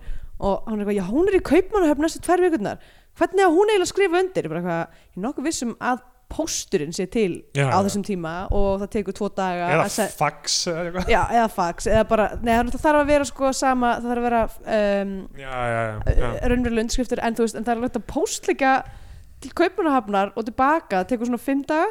Já allavega, þetta er ekkert það sem make a sense. Heldur- öll vandamáli sem komið upp eru svo auðleist það heldur ekkert vatni í þessu eins og hann, þú veist, hann, hann rétt man hvernig Tóti lítur út. Hann man ekki bílnúmerið, hann reynir að rifja það upp strax og hann sér hann. Uh, hann man ekki hvað hann hét þráttur að hafa margóft afgreitt þessa uh, umsóknar, hann getur ekki fundið útprentað eintak af henni. Ok, hann teiknar mynd af Já. Tóta til þess að reyna að við verðum eiginlega bara að já, við postum þessari mynd. mynd af, af þessu, þessari teikningu. Og hann er alltaf að sína hann ef veifinni fram í fólk. Þetta, Já. það, það, mér finnst það smá fyndið. Það er bara, veist, það er bara, það er alltaf mikið samt verið að tróða því alltaf Já, fram mér var bara svo misbúið þessum Já. að það gegn væri alveg fyndið af því þessi mynd var bara svo stórkvæslega léleg. Já. að það, veist, þetta er ekki mynd eða, grínið er ekki augljóst. Skilur hvað við ég, bara, ég meina bara- takturinn er allir off það er Já. ekki hægt að framkvæma þetta er bara, uh, já hann er á lauruglustöðinni, hann er alltaf að byggja um þú veist, að geta gefið skýslu um þess að tölvu en það nennir ekki að tala við hann það vísa allir á eitthvað, þú er að tala við afbrótadeildin og þetta er umferðadeild, Mhm. hún er í öðru húsi hann, er með vísa á tíkallasíma sem hann þarf að borga í til að geta hringt á neyðalínuna sem það- er ekki að- þannig nei, af því að hann er að ringir í neyðalínuna og kattast á af því að hann er ekki með gefa skýslu um þetta, eitthvað þannig. En svo er geðvegt skrítið klipp. Það sem að allt í einu er eitthvað að vera að gefa um stert eitur. Já, þetta er, þetta er stórfurðulegt. Hann, hann, hann segir eitthvað við lögguna eitthvað, ég verð að fá að gefa þessa skýslu eitthvað þannig. Og þá segir lögreglumæðurinn eitthvað nú, hvað, ef þú farið ekki að gera það, hvað ætlar þá að kæra okkur? Og þá segir hann eitthvað, kannski verð ég bara að gera það verði að og þá allt í hennu bara köttað í að það er eitthvað svona hjúkurnafræðingur og lauruglumenn líka inn í herbyggi og þau eru að gefa svo, honum sem sagt í æð. Sprauta úr flösku sem stendur á Já, stert eitur. og svo, svo lognast hann út af og svo bara allt í hennu kom, komin til sín. Já, þetta, ég veit ekki, kannski er pælingin að þetta sé samfélag það sem fólk, ég veit ekki hvað er að reyna að segja. Nei, ég, ég er að vona að Ég, sé það er það sem ég segja, sko, eftir að hafa hort á smynd þess vegna var ég alveg vonast að þú getur þú veist, reikið þennan þátt áfram og svona reynda þessu stjórnunum af því ég, mér líður bara eins og heilu minn sem bara, búið að bræðan með eitthvað sultu inn í hauskupunni kannski er það sem Hrafn vildi allan tíman af því ég bara skil ekkert lengur. Hann er alltaf komin heim í leigubíl og er heima hjá mömmu sinni og þá er frétt um laurugluna sem er að taka þetta klám sem við erum búin að sjá brandaranum Já, emitt þannig að þú veist punchlænið kemur á undan eiginlega setupinu. Já, emitt all, allavega. Um, og, og, og svo sem sagt ke, kemur í ljós sem sagt að hann þú veist, hann er búin að vera að forrita heilan gagn, hann greinlega kann að forrita. Hann er búin að forrita heilan samt, en það er alltaf að fá hjálp frá Helgu Brögu þegar Já. kemur einhver villumelding? Já, villumelding, þá kemur hún og fixar það alltaf. Gæði skrítið, hann er samt búin að forrita einhvern miðlægan gagnagrunum allar upplýsingar í, sem eru til á landi Já. hvað fólk kaupir, Allt innkaupastrengnum inn í þessari einu tölvu. Hann getur forritað það allt í hennan eina ímak eða hvað sem Já, þetta er. Hvaðan er en hann að getur fá ekki upplýsingarnar? brúðist við einhverju svona villumeldingu sem komur Nei, Já, það, hann er þetta, þú veist kannski vill hann bara að hún komið með brjóstið sín nála já, emitt en, en ok, hann, hann er búin að forrita hennar gagn, gagnabanka en þetta er allt upplýsingar sem stofnunin á þegar. Fyrstir þig í að leggja andlitið upp að þéttum barm ég meina, maður er nú einu sem mannlegur hérna. eða þú veist, er þetta Meina, eitthvað við- svona er þetta eitthvað, að því mér finnst þetta svo skrítið obsession. Heru, við komum nú all út úr einum stað sko, við erum að reyna restina af lífuna að fara þangað inn aftur sko. Ó, brjóstin. E, já, ég kom út í sprautast út úr brjóstum móðum mér. oh my god. Svona líkamnaði svona upp úr, upp úr svona Upp úr polli svona af mjólk. og, eins og, eins og Terminator nema bara var bara til þannig. Uh, já, og ég er búin að reyna að komast inn í þessi brjóstæði síðan það er ekki margar sem hafa leift mér að að því, komast, að komast fá upp á brjóstunum en að því hann er alltaf að fá okkur svona drauma þar sem að einu sem hann vill gera í draumunum er að grafa andlit Já. sitt í brjóstum helgubröðu á, á köflum minnir þetta mig á okkar á milli á Já. milli sem, sem er búin að horfa sem er svona pervertísku miðaldra maður eitthvað, þú veist, sem, sem er eiginlega badnaperri í þeirri mynd en, en, en hérna er það svona veist, að þetta sé eitthvað svona leita aftur til móðurinnar meira þú veist, þetta er hafnadíla við sin issues fyrir Já. framan, framan alþjóð. framann á, á nýjástag á öllum dögum. Best að byrja nýja árið og svo bara eitthvað, ó, Ó nei, nei, að Hrafn, það? við viljum ekki sjá þetta núna. Þetta er ekki það sem við viljum. Uh, uh, við erum að reyna að hugsa okkur gang. Já já, eh, maður vil hugsa sin eigin gang á nýjastag ekki hugsa þinn gang. Já, nákvæmlega, við ætlum ekki að fara að leysa þín vandamál Hrafn, þú getur bara að halda þessu fyrir sjálf þig. Hann fer aftur niður á lauruglustöð með yfirmanninum í þetta skipti stoppar á löggun á leiðinni fyrir að kera úr hratt þetta á að vera eitthvað, þú veist, það er alltaf orðið þessi erfitt það er svo mikið eftirlitsríki, en hann er alltaf bara eitthvað að keira hratt og fullur og eitthvað, gott að löggan er um, hann fer og hittir lauruglumann sem hann hafði þegar talað við mm og fer yfir eitthvað svona fullt af myndum af en þess að hann fæði sérst að tala við hann út af því að yfirmaðurinn hans já, þekkir já, þann spotta. Og hann mætir með þessa fáranlegu teikningu sína og er bara eitthvað þessu andliti gleymi ég aldrei. Já. en svo er hann alltaf myndinni. Og svo veit hann ekki svo hann, skoðar hann ekki eftir mikið myndum og veit ekki hann er, oh, Ég bara þetta er gaurinn sem stál tölvunni þeir ringja eitthvað, nei hann er með fjárvistusunum hann var á Já. Östurlandi, eitthvað, ó þetta er bara, þú veist, það er eitthvað að honum í haustum, er aðalpersonin í þessari mynd það er bara eitthvað sem vantar í er hann. bara í Crazy Town. Ég meina hann er kannski með eitthvað svona borderline personality disorder eða, eða ég, ég veit ekki hvað þetta er. Þú veist, þetta hlýtur að vera eitthvað klín í stæmi það sem hann bara fungerar í. Um, en það tala allir samt við hann eins og bara eins og hann sé snillingur. Já, eins og, bara, þú er svo flottur, þú er deildastjóri hérna í eftirstofnun, þú ert svo klár þessi stofnun er, og og, Helga Braga dyrkar hann. gersemi. Og segir hún á einum tímabandi þú ert gersemi. Það er alltaf sömu lauruglumennir alltaf og þetta síkvensi bara í rauninni síkvensi sem var undan með, uh, hérna, þegar hann fór í fyrst inn á lauruglustöðuna Bóma kemur inn í mynd einmitt þarna. Og það var ekki reynd að klippa fram hjá því að fara í tökur aftur er fyrir eitt- þessar 60 miljónir svo er eitt þyrlu skot og það sést í þyrluna líka. Uh, Þetta er alveg krap, þetta er mikið ræðilegt þetta er líka tekið á sko á bara eitthvað svona myndavél sem að þú veist hann hefur bara eitthvað svona fengið Digital 8 kameru eða bara eitthvað. fengið bara á slikk í góða hyrðinum eða eitthvað. Já. þú veist þetta er fáránlega slæmt. Það er það er engin, er engin lýsing. Þú veist eins og loka atriðið sem að er bara gerist inn í einhverju dimmum veitingastað og maður sér ekkert. Þetta er það er kannski Kexug, gott að því að ég held að ef ég hefði séð þetta ef þetta atrið hefði verið vel lýst að það hefði ég örugglega endanlega mist tök á raunveruleikanum og væri ekki hér að tala um þessa mynd. Hann, því að þetta loka atriði er já, fyrir utan öll velsamismörk hann fer, fer, fer út með yfirmannu sínum það er búið að gefa henni stöðumæla segt hann uh, kvartar í stöðumælaverðinu tekur sektina, stöðumælaverðinu setur nýja sekt. Af því að þetta er dystopísk framtíð oh, það sem allt er ógeðslega erfitt og allir fara eftir reglunum. Hann fyrir heim, dreymir um brjóstin og helgu brögu heldur áfram að tala við nýtt og nýtt fólk. Hann, hann fer inn á sem sagt einhvern stað sem er beint á móti lauruglustöðinni það sem eitthvað svona sem möguleikhúsið var heitir Súlan. Ja, þetta er Súlan, bara við hlem þar bara er, þar er eitthvað svona skuggaleg karakterar þar inni. Einmitt. hann sér nefnilega gaur með svona hvítan plastboka sem hann sveiflar grunnsalega, það er Gunnar Jónsson leikur hann. Já, hann spyr hann hvort hann geti keift tölvu. Hann segir aldrei við hann mér vantar nákvæmlega þessa tölvu sem var stólið Jú, hann segir eitthvað svona ég er með, ég er með hérna uh, skráninganúmerið ó, segir hann það já, einhvern tíma ok, en svo borgar hann um og fær þá tölvu án þess að nokkuð tíma kíkja undir tölvuna fyrir hann að orðið of seint. Allavega, uh. Svo kemur eitthvað car chase. Já, herru, það byrjar á því sagt, að þeir fara inn á closet til þess að gera hann að díl.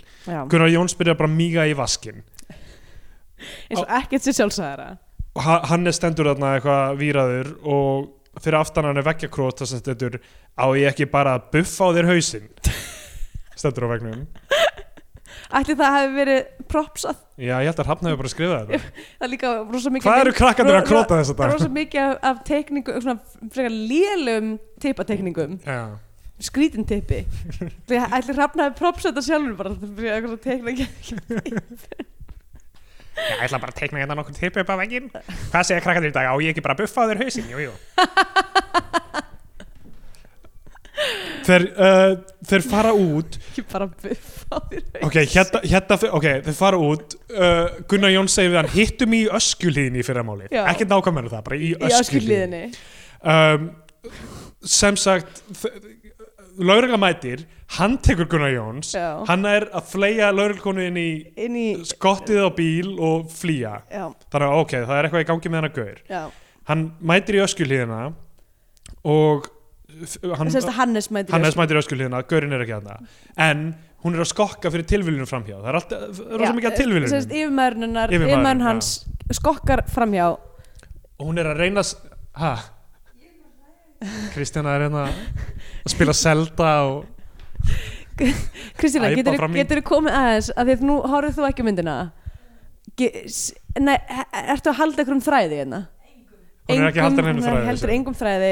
Og það er ekki, við erum að reyna að gera við þessu erum að reyna að gera þessu við erum að fara mjög ítalega í sögutráð sem var í rauninni bara Að maður tími tölvunir reynar að finna ef þessi þáttur virkar kaotískur þá er það ekkert í samanbyrði við hvernig þessi mynd er. við erum bara svona, eftir að horta myndina við erum bara kaotískari manneskjum fyrir ég, me, ég bara í alveg, mér líður eins og heilum eins og grautur ekkert sko. meikar sensleikur.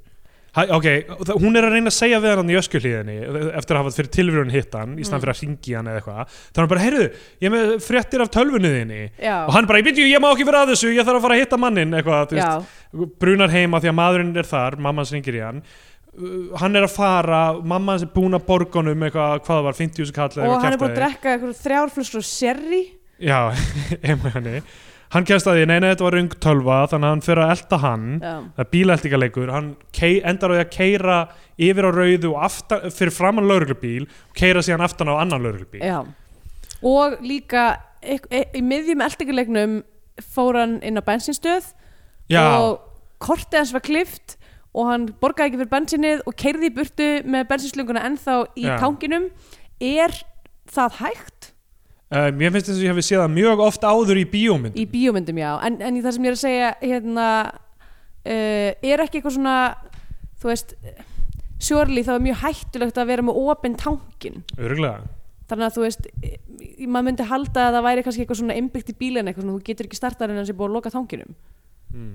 Allavega nýjum Ok, bílum en þetta er já. ekki nýr bíl sem hann er á. Um, hann, hann er alltaf tekinn á löggunni og rosalega hissa á þessu eftir já, eftir mér að finnst það rosa skrítið bara þið, þið hefðu að, ég var að ná honum en þið stoppuðu mig. Og hann, það er rosa r- mikill lauruglu presens bara á götum Reykjavíkuborgar í Já. mynd, þetta er bara eitthvað svona borgríki tvö blóðhraustra manna í gangi. Blóð sjúkra manna. Um, og uh, hann, hann er blóð embættismanna hann fer á lauruglustöðuna eitt sem við hoppum yfir, það er alltaf verið að klippa yfir í alþingi. Þess að dómsmálaráð er alltaf að halda ræður um þennan gagnabanka sem við reyna að fá í gegn á alþingi sem er ekki búið að samþykja að veita pening fyrir. Mm. og það er mjög fyndið, hún er sem sagt eitthvað að flytja ræðu upp í ræðustól mm svo klifti yfir í svona vítt skot af salnum sem er auglýslega bara eitthvað fréttamind. Og Katrin er í þjóðbúning í þessu skoti. Þetta er eiginlega bara Já, setningadagur þetta er bara komin úr sko. Og hún er bara að flytja eitthvað ræðu með eitthvað gagnabanka.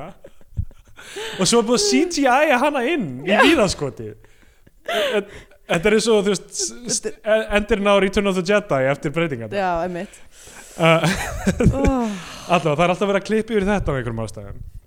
Hann er hjá lauruglunni og núna er löggan bara eitthvað herðu við erum með uh, nei, nei, nei, fyrst sleppur hann einu sinn enn frá löggunni. Já, af því að það er ekkert meikar sens í þessu ekkert meikar sens í þessu. Hann dreymir að þessi maður frá skattinum er það ekki í, fra, með, í frakka og með hatt eða eitthvað hann uppi? Jú.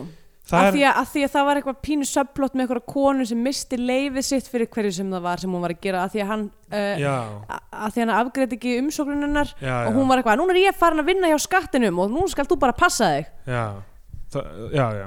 Fínt. Uh, það var eitthvað. Hann fer uh, hann fer sem sagt fær joggingalla sendan heim. Þetta er, okay, þetta er, ég veit ekki hvað er í gangi þetta þetta er Stefania sem er búin að vera fríi af því að veikindalegi hann róta bólgu tannrótabólgu sendir hún, ok, það er best að þú verið bara heima meðan þetta mál klýrast allt upp og mætir ekki í vinnuna, hann er alltaf að fara aftur í vinnuna það er alltaf að hlaðast upp fólk kunnar sem hann er ekki að sinna sem Já. er að býða eftir leifinum sínum. Og getur reyð út í hann. Einmitt. Verður bara heima, hérna er joggingalli fyrir þig, já, svona krumpugalli fjólublár, krumpugalla. krumpugalli, eitthvað farðu í sund farðu að skokka eitthvað hann, hann fer eitthvað út að skokka og síðan í sund. Herru, fyrir tilvíðin, Er- er, ekki tóti bara synd á mótunum á brautinni? Og hann, hann, ræðst ok. Hann syndir á eftir honum og, bara, og hengir sig utan á fótinn hans og bara sleppir ekki. Þetta er einn af, þetta er einn af þremur hápunktum í íslenska kveikmyndasögu sem gerist í sundhöllinni. Það er þetta, það er skitturnar og það er sporlist alveg rétt sporlust hann grí, hann hangir á löppinu hans, hann dettur hún í laugina með honum eitthvað Mhm. þannig, allt í hún er mættur aftur á lauruglustöðuna í krumpugalanum og löggan er bara eitthvað, hey, þú réðst hérna á einhvern mann. Hann getur ekki alveg að komið út úr sér. Þetta var maðurinn sem ég var að tala um allan tíman þess vegna var ég að reyna að ná honum, hann er með tölvuna mína. Já, og þeir, þeir segja ekkert um það mál þarna, þeir hafa ekki spurt hann þessi er bara að kæra fyrir já, þeir fara í sím, sem sagt, það sem er í gangi í símanum sagt, bara símtölu inn og út já. sjá að hann er búin að markringja í eitt símanúmer og þeir vita hver á þetta símanúmer og það er glæpamaður sem heitir Kristoffer eða eitthvað sem er, sem er Gunnar Jónsson. Er það Gunnar Jónsson? það held ég, er það ekki? ég held að það hef verið að því að hann fekk eitthvað svona hérna blað frá Gunnari þegar hann ætlaði að fara að kaupa tölvuna uh, sem að sem að stóða á eitthvað svona alls konar krót og hann var eitthvað, þú getur alltaf náðið mig í þetta númer. Já, og, hann, og það voru fleiri númer á blaðinu þannig að hann var bara að ringja í vittlust númer alltaf. Já hann, talaði samt við hann í einhvern tíma. Já, uh, þetta er all, allt óskilnætt og Já. það sem er mest óskilnætt við þetta er það að þeir segja að þetta er einhver maður sem er við, viðlóðandi eitthvað sem heitir risastóra fíknefnamáli sem stærra en stóra fíknefnamáli.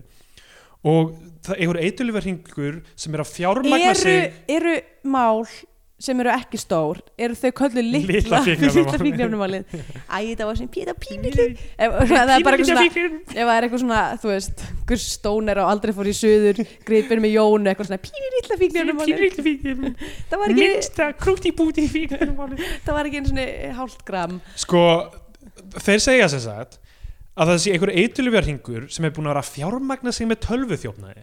Myndi eitulifjarhingur ekki venjulega fjármagna sig með, Með- því að selja eitulif og það eru svona low level neytendur sem eru að fjármagna sig með þjó- þjófnaði af því að eru jú. Ok, þeir eru búin að vera fjármagna sig með tölvuþjófnaði að stela nákvæmlega þessum tölvum og Mhm. þeir halda að hann er sér viðriðin það. En með því einhvern veginn að hjálpa þeim sem hann gerir ekki Nei. þá náðu þeir að taka niður hringin og, Já, það, og og, það- það er þeir vissu hvaða númer þetta var. Þeir finna þetta símanúmer. Þeir vita hver, hvaða númer þetta er, ekki Hannes. Já. Hannes segir ekki hver maðurinn var. Þeir vissu fyrir fram hvaða númer þetta var.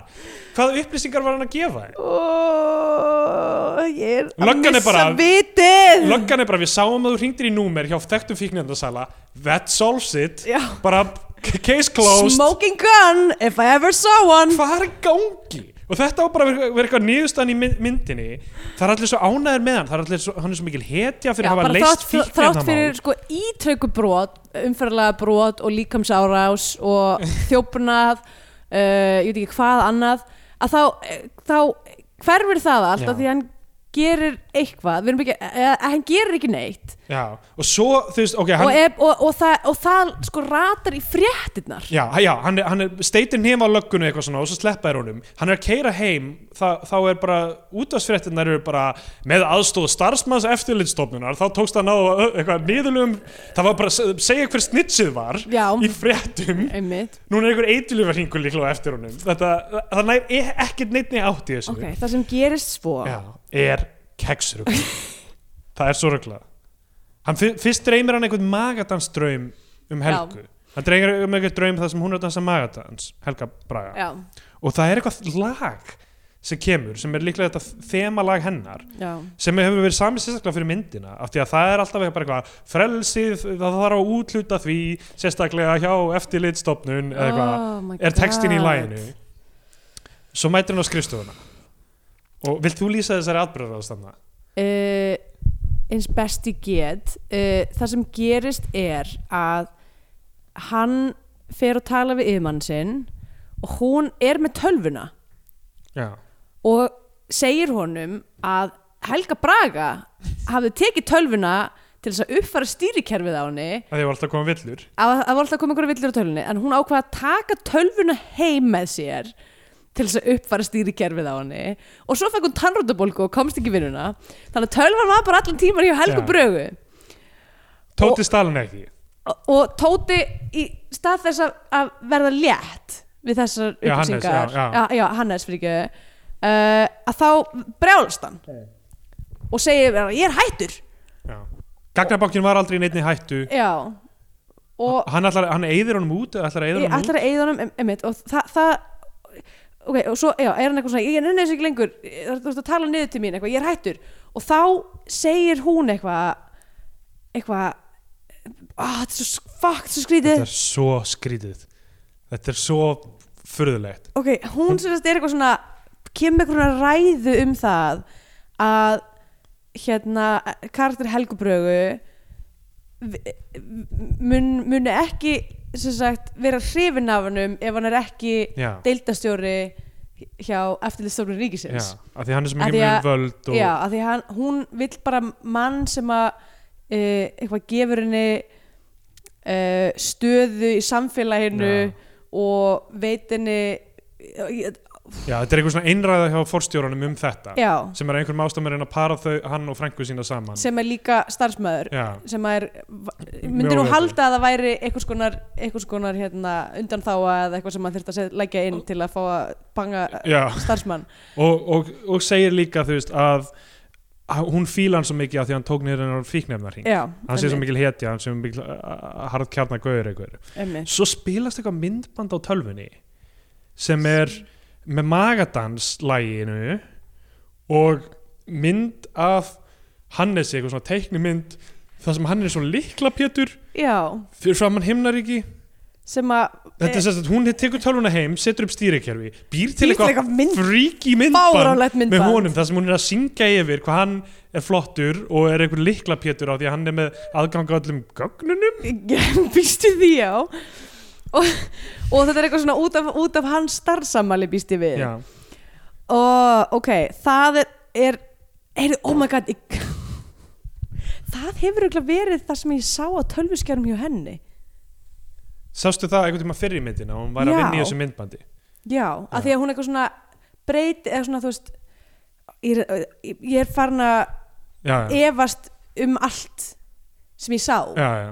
ég, ég get ekki verið Þetta er- viss já. ég get ekki verið viss Ég held allavega. að mér hefði dreymt þetta með eitrið þarna Já. Það- þú veist, kom ég eina setur stert eitur, hvað hva var þetta? ég þurfti að spóla tilbaka já, bara, Oh my að ég var eitthvað, vá, hvað er búið að gerast Ég bara, Já, myrða hennar mann hérna, lörglan ok, svo litar hann á sér hárið. Já eða- er með hárkollu Eða- ok, Svo, svo litur það svart. Já, það er alltaf bara svona time cut í rauninni. Eitthvað frá því að, að, að yfirmaðurinn sýnur hann um þetta bonkars myndband Já, yfir í eitthvað svona á að vera nokkrum dögum setna eða viku setna eða ég veit ekki hversu löngum tíma setna þar sem að hann er búin að lita sér hárið og gela sig já, og er komin í ykkur önnur jakkaföt og er a- a- top of his game. Já, og Helga Braga er að renna í stólum sínum, hún er svo heitt fyrir honum. Uh, og svo fara þau Lauruglumæðurinn já, lauruglumæðurinn kemur. Lauruglumæðurinn mætir sem var, var að vera erfiður við hann og var að saka hann um að vera glæpamæður já, mætir. Og af því að hann þarf að byggja um eitthvað leifi og hann lætur hann skríða á gólfinu inn í skrifstofuna gera hann það? Já, hann skríður inn í skrifstofuna. Oh, af því að, þú veist, núna er hann með völdin skilur, yfir löggunni. Einmitt. Og svo fara þau heim og magadansi hann byrjar það ekki? Já, uh, eða sérst, hún um, er búin að fá borða okkur um stað sem heitir eitthvað alveg fárlegt, það er alveg stólur með hvað þessi staður hétt, en allavega eitthvað svona matar eh, kásan eða eitthvað líka. Uh, og, og þau fara sérst á þennan veitingastað og það er bara enda senin á myndinni þar sem allt í einu kemur Helga Braga út uh, inn, inn á staðin með tvo aðra magadansara með sér og byrjar að dansa magadans fyrir Hannes. Já, og svo byrjar bara kryddlistin að rúlla já, og hann byrjar að dansa með. Já. Og lægið er í gangi aftur þetta með eitthvað eftirlitstofnun, Hannes eitthvað. Já, emmitt uh, og þetta er óskilinlegt hvað á þessi endir að segja okkur? Hvað, hver var mórallin með þessu öllu saman? Hvað, hvað vildi nokkur persóna í þessu? Hvað var þetta allt saman? Af hverju var þessi mynd var þessi mynd gerð? gerð? Og af hverju var hún skrifuð svona? Uh, af hverju var eina lægið sem þau höfðu efni á fyrir utan þessa frumsöndi tónlist eða hvað það var? Open Your Heart, aftur og aftur. Já, sem var alltaf í alltaf bara eitthvað í útvarpinu. Open Your Heart, show Show- me the way Já. it's eitthvað, ég veit ekki. Hef ekki gott að segja uh, það eru svo margar spurningar. Já. það En eru já, Ef við kannski bara skilja þær eftir e, e, e, ósvöraðar eins og listamæðurinn vildi? Já, ætli það ekki. Að uh, Scandinavian Pain Index. Oh, ég, ég meina þetta er þessi mynd er náttúrulega mjög sásukafull rosalega rosalega erfið uh, og ég er full harms já, eftir að hafa hort á hana. Uh, hún líka rosalega góð dæmisaga um spillingu í íslensku þjóðfélagi. Já, bara það að hún hafi verið gerð er, er bara sýnir hversu slæmum stað uh, spillingu á Íslandi er. En það er, er Ísland uh, af öllum Norrlöndunum skarar fram úr í magnspillingar magnispillingar það um, uh, ég veit ekki hvað maður á að segja. Þetta er, þú veist, þessi mynd er bara utan með alla skilgreiningaramma sem að ég hef. Já, þú veist, mér finnst ekki finnst eiginlega bara mjög erfitt að að, tækla þetta. Ég, bara, orðin mín eru horfin. Ég, heilin minn er ekki til staðar lengur. Nei. Ég er traumatæst. Ge, Gefðu henni bara einhverja rugl. Ég verð bara gefa henni bara hérna uh, ég ætla að gefa henni oh, fuck heilin minn. Uh, ég ætla að gefa henni eitt af þremur sterkum eitrum. Já, ég held að gefa henni bara kvadratrótina tveimur af pí tíkalla sínum Það komið um tímabútið sem við gefum myndin annarkvort sess á flagskip í íslenska kveikmynda það var en íslenska fánan eða mælum frekar með því að hlustendur horfum ykkur á bandarinska Hollywood-veldu og það var bandarinska fánan. Og uh, ég ætla bara að lesa það sem Hrafn sagði um þessa mynd. Já, 2007, fjórum árum senna í viðtali við fréttablaði Mér finnst Opinberinn Hannesar frábær mynd kannski einn besta mynd sem ég hef gert Í sérkværi mynd reynir maður að fara einhverja aðra og ögrandi leið Þarna vildi ég gera mynd sem byrjaði eins og venjuleg mynd en færi síðan smátt og smátt að líti út eins og fréttamynd en að raunveruleika þáttur. Myndavélinn hristist, fór úr fókus, hljóðtrublanir og allur skollin. Ég hef líklega aldrei leið, leiðið jafn mikið yfir hljóðinu í nokkur mynd til að fá þessi trublandi áhrif þar sem hljóðið er skýrt en allt í einu sundrast það nánast. Þetta er hans greining. ok, Hallgrimur sk- sagði einhverju grein 2003 eftir að myndin kom út að hann skrifa einhverju grein um spillingu hjá sjálfstæðaflokknum og whatever. Já, og hann sk- skrifaði á nýjárskvöld var frumsýnd í ríkisjónvarpinu kveikmyndir opinberðan Hannesar og daginn eftir hafði þeim að mokkanum tekist að finna mann sem var tilbúin að fórna mannorði sínu og gefa myndinu þrjár stjörnur. Það var einhver um morgunblæðin sem Já, gaf Sæ- mynd Sæ- þrjár Sæ- stjörnur. Sæbjörn Valdimarsson. Oh boy, En- já ég, ég, ég veit ekki, við erum búin að segja þetta allt saman. Þetta er náttúrulega bara keksruglumynd og þú veist, það, ég, ég veit ekki hvort þú næri þessum hæðum að að maður getur horta á hana kaldaðinslega og notið þess. einmitt. Hún er jafnvel, hún er bara ekki alveg nóg entertaining. Hún, sko líka bara út af þessari baksögu þá er þetta bara, þú veist, þetta er þetta er, þetta er smán á samfélaginu. Já, þetta er bara skammar blettur Já. í kvikmyndasögu Íslands. Þú veist, það er ekki alveg hægt að njóta þess að þetta sé eitthvað svona hræðil þú veist, að því eins og maður horfir á þú veist, The Room og það, hún er gerða einlægni svo mynd, hún er gerða veist- og, er, og maðurinn borgaði fyrir hann sjálfur. Já, já, veist, en hér við að tala um 22 miljónir af okkar sköttum sem fóru í að gera þetta. Já, já. og myndin Insult to Injury fjallar bara um það hvað uh, ríkistofnunir séu óþarfar og óskilvirkar. Já, já.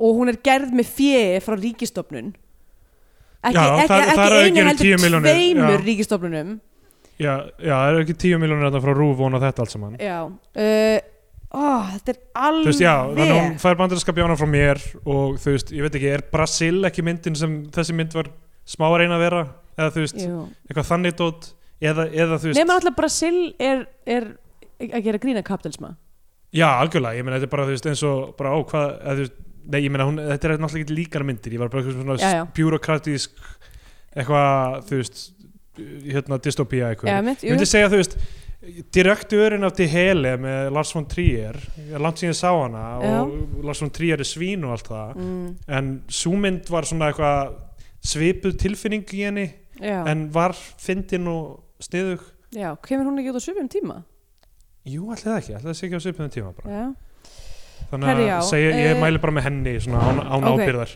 án ábyrðar, ok um, ég ætla bara að að gefa hérna uh, notendanum Bieko á IMDb orðið uh, og hann skrifaði þetta 24. mars 2004 þannig að þetta er frekar ferst þá já, This movie is supposed to be some kind of profound criticism on the surveillance society. It does not succeed. It is just very boring, the music is awful, the acting is worse, and it all looks very, very low budget. It is claimed to be a comedy, but I did not find anything even slightly amusing in it.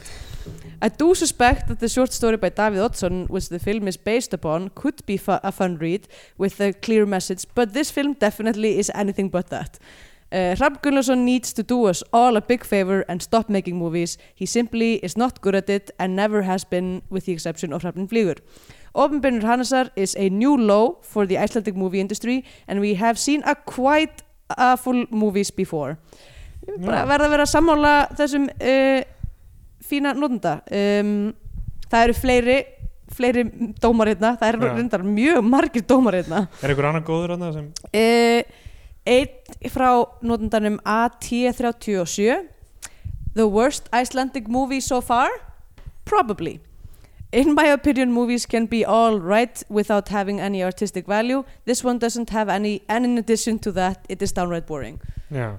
er þessi mynd verri en einn stór fjölskylda er hún verri en okkur á milli í hitt og þunga dagsins Um, ég myndi ekki segja hún væri verri en okkar á milli hitt og þunga dagsins, já, en hún gæti verið, nei, ok, einstaf fjölskylda er eiginlega verri. já ég veit ekki. Af því að hún er svo nasty. Já, en þessi myndir á þetta er líka. Já þær eru allar mjög nasty er og þetta er allt, þetta er allt hræðilegt. Já. ég vil, ekki, ég vil ekki dæma eitthvað svona hver er minna hræðileg heldur en hinn Nei, nei, það Þær væri ósangjart allar- gagvart hræðilega heitum þessara mynda. Já, nákvæmlega. Að bera þær saman. oh, já, hérna er eitt líka. No Man, to put it simply this is one of, punktur, punktur, punktur. The worst movies I've ever seen.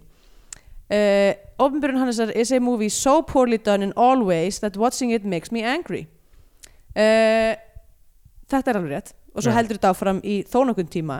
Ég held að rosa margir hafi bara fundið sér knún, knúna til þess að fara á IMDb og bara ranta aðeins af því að það, maður verður reyður já, já. Við að Þannig horfa á þessu þannig mynd að bandarinski bjónin frá þér? Absolutely bandarski bjónum frá mér Ah. uh, þetta er eina af þessum myndum sem að um, uh, maður ætti að setja fætunar á þessari mynd í bala og hella steip í balan og kasta uh, þessari mynd í sjóin og Já. bara hlæja á meðan hún druknar Gera nákvæmlega öfugt við Jésu sem þvoðið fætuna já, þannig að maður setja beint í steinsteipu út í sjó. Já, heyrðu það er bara það sem ég hef um þetta að segja. Já. og eiginlega og ég ætla bara ég ætla, ok, nú er ég a limb en mér finnst það þetta fangilsa Hrafngullsson Við erum á samfélagsmiðlum at Stendur Jónsson á Twitter.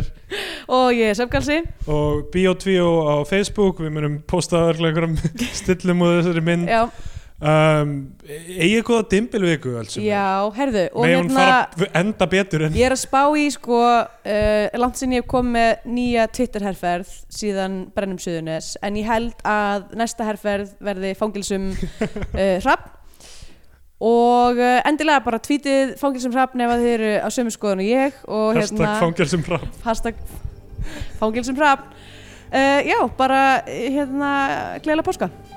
Gleðilega páska alls